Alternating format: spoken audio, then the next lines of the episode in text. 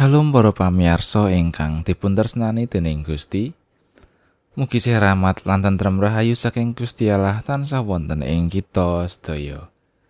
Matur nuwun panjenengan taksih miyarsakaken renungan padintenan basa Jawi menika Sabda Winedar.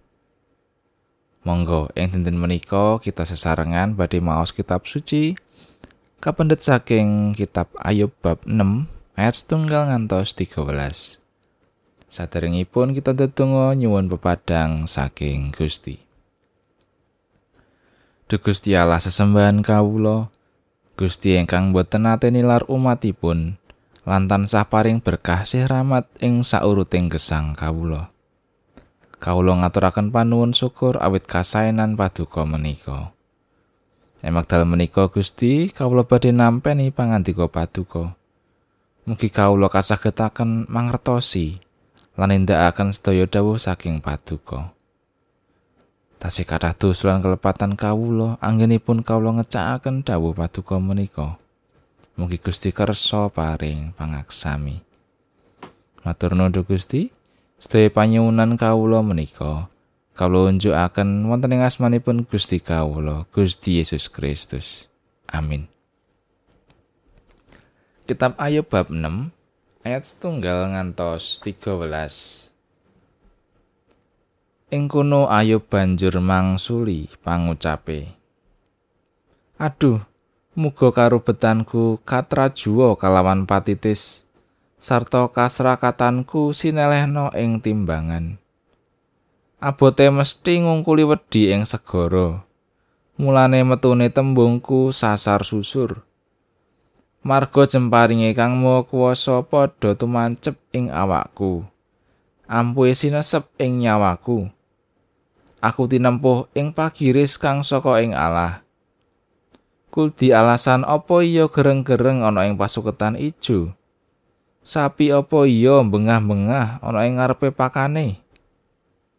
Barang kang cemplang rasane apa dipangan tanpa uyah? Utawi putih endok apa ana rasane? Demok wae aku ora sudi. Tumrap aku iku pangan kang unek-uneki ah muga-muga panyuwunku kabul. Gusti Allah muga kersa paring kang dadi pangarep-arepku. Gusti Allah muga kersa ngremuk aku. Gagakake astane sarta nguwisi uripku iku kang isih dadi panglipur tumrap aku. Malah aku bakal lincak-lincak marga saka bungahku. Ing sajrone aku nandang sangsara kang tanpa piwelas iku, sebab aku ora tau nyelaki pangandikane kang maha suci. Sapirata kekuatanku kok aku bisa tahan? Lan apa to wekasaning awakku kok aku isih kudu nyabarake? Apa kekuatanku iku kaya watu? Apa dagingku kaya prunggu? Rawus ora ana pitulungan babar pisan tumrap aku, lan keselamatan wis ado saka aku. Makatan pangandikanipun Gusti, ayat nas saking ayat sedoso. Iku kang isih dadi panglipur tumrap aku, malah aku bakal lincak-lincak marga saka bungahku ing sajrone aku nandang sangsara kang tanpa piwelas iku. Sebab aku ora tau nyelaki pangandikane kang maha suci. Renungan kaparingan jejer leres. Pros derek kuciwa.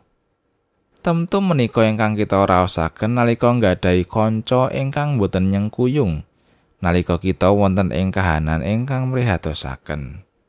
Mangkatan ugi ingkang dipun raosaken dening Ayub. Nalika kanca kancanipun njeksani piyambakipun awit kasangsaran ingkang sawek dipun sandang. Kamangka prayoginipun minangka kanca raket mangertosi pilih Ayub tansah gesang mursid wonten ing ngarsanipun Gusti. Mila menika menawi samangking lampahi kasangsaran menika kersanipun Gusti. Ananging piyambakipun boten saged mbuktekaken menapa-menapa. Awit kados-kados Gusti Allah nglawan lan boten belani piyambakipun. Posisi Ayub pancen aurat sangat. Saking waosan kita menika kita ugi pikantuk gambaran bilih Ayub mboten nate lan boten badhe nyingkur dhateng Gusti lan boten damel dosa. Sinaosa piyambakipun kedah kecalan sedaya darbeipun. Ananakipun sami pecah. Semaipun nilaraken. Kanca kancanipun jeksani. Piyambakipun ugi kenging sakit parah. Wonten ing kawontenan ingkang kados mekaten, Ayub taksih budidaya tetep ngugemi sabdanipun Gusti. Menika ingkang dados kegiatan lan panglipuran ing salebeting ngadepi masalah ing gesangipun. Nalika kita kedah ngadepi marupi-rupi masalah ing gesang kita lan yakin bilih kita mboten nate nyingkur sabdanipun Gusti. Mila mboten wonten alasan kangge kita ajrih menawi Gusti nilaraken kita.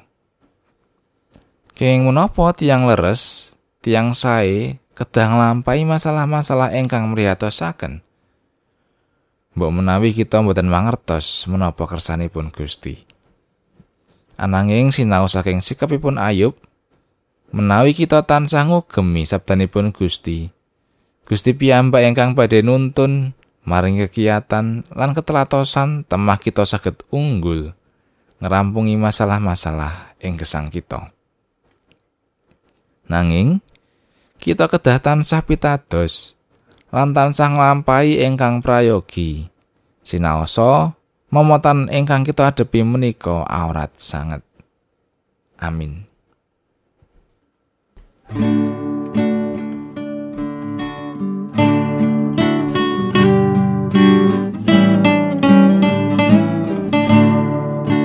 Rayu kang utama lagune ngambadalaning printahe pangeran.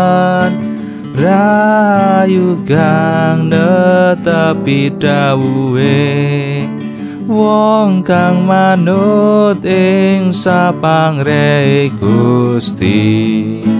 Sarta tansah telaten netepi sakarsane klawane klasing ati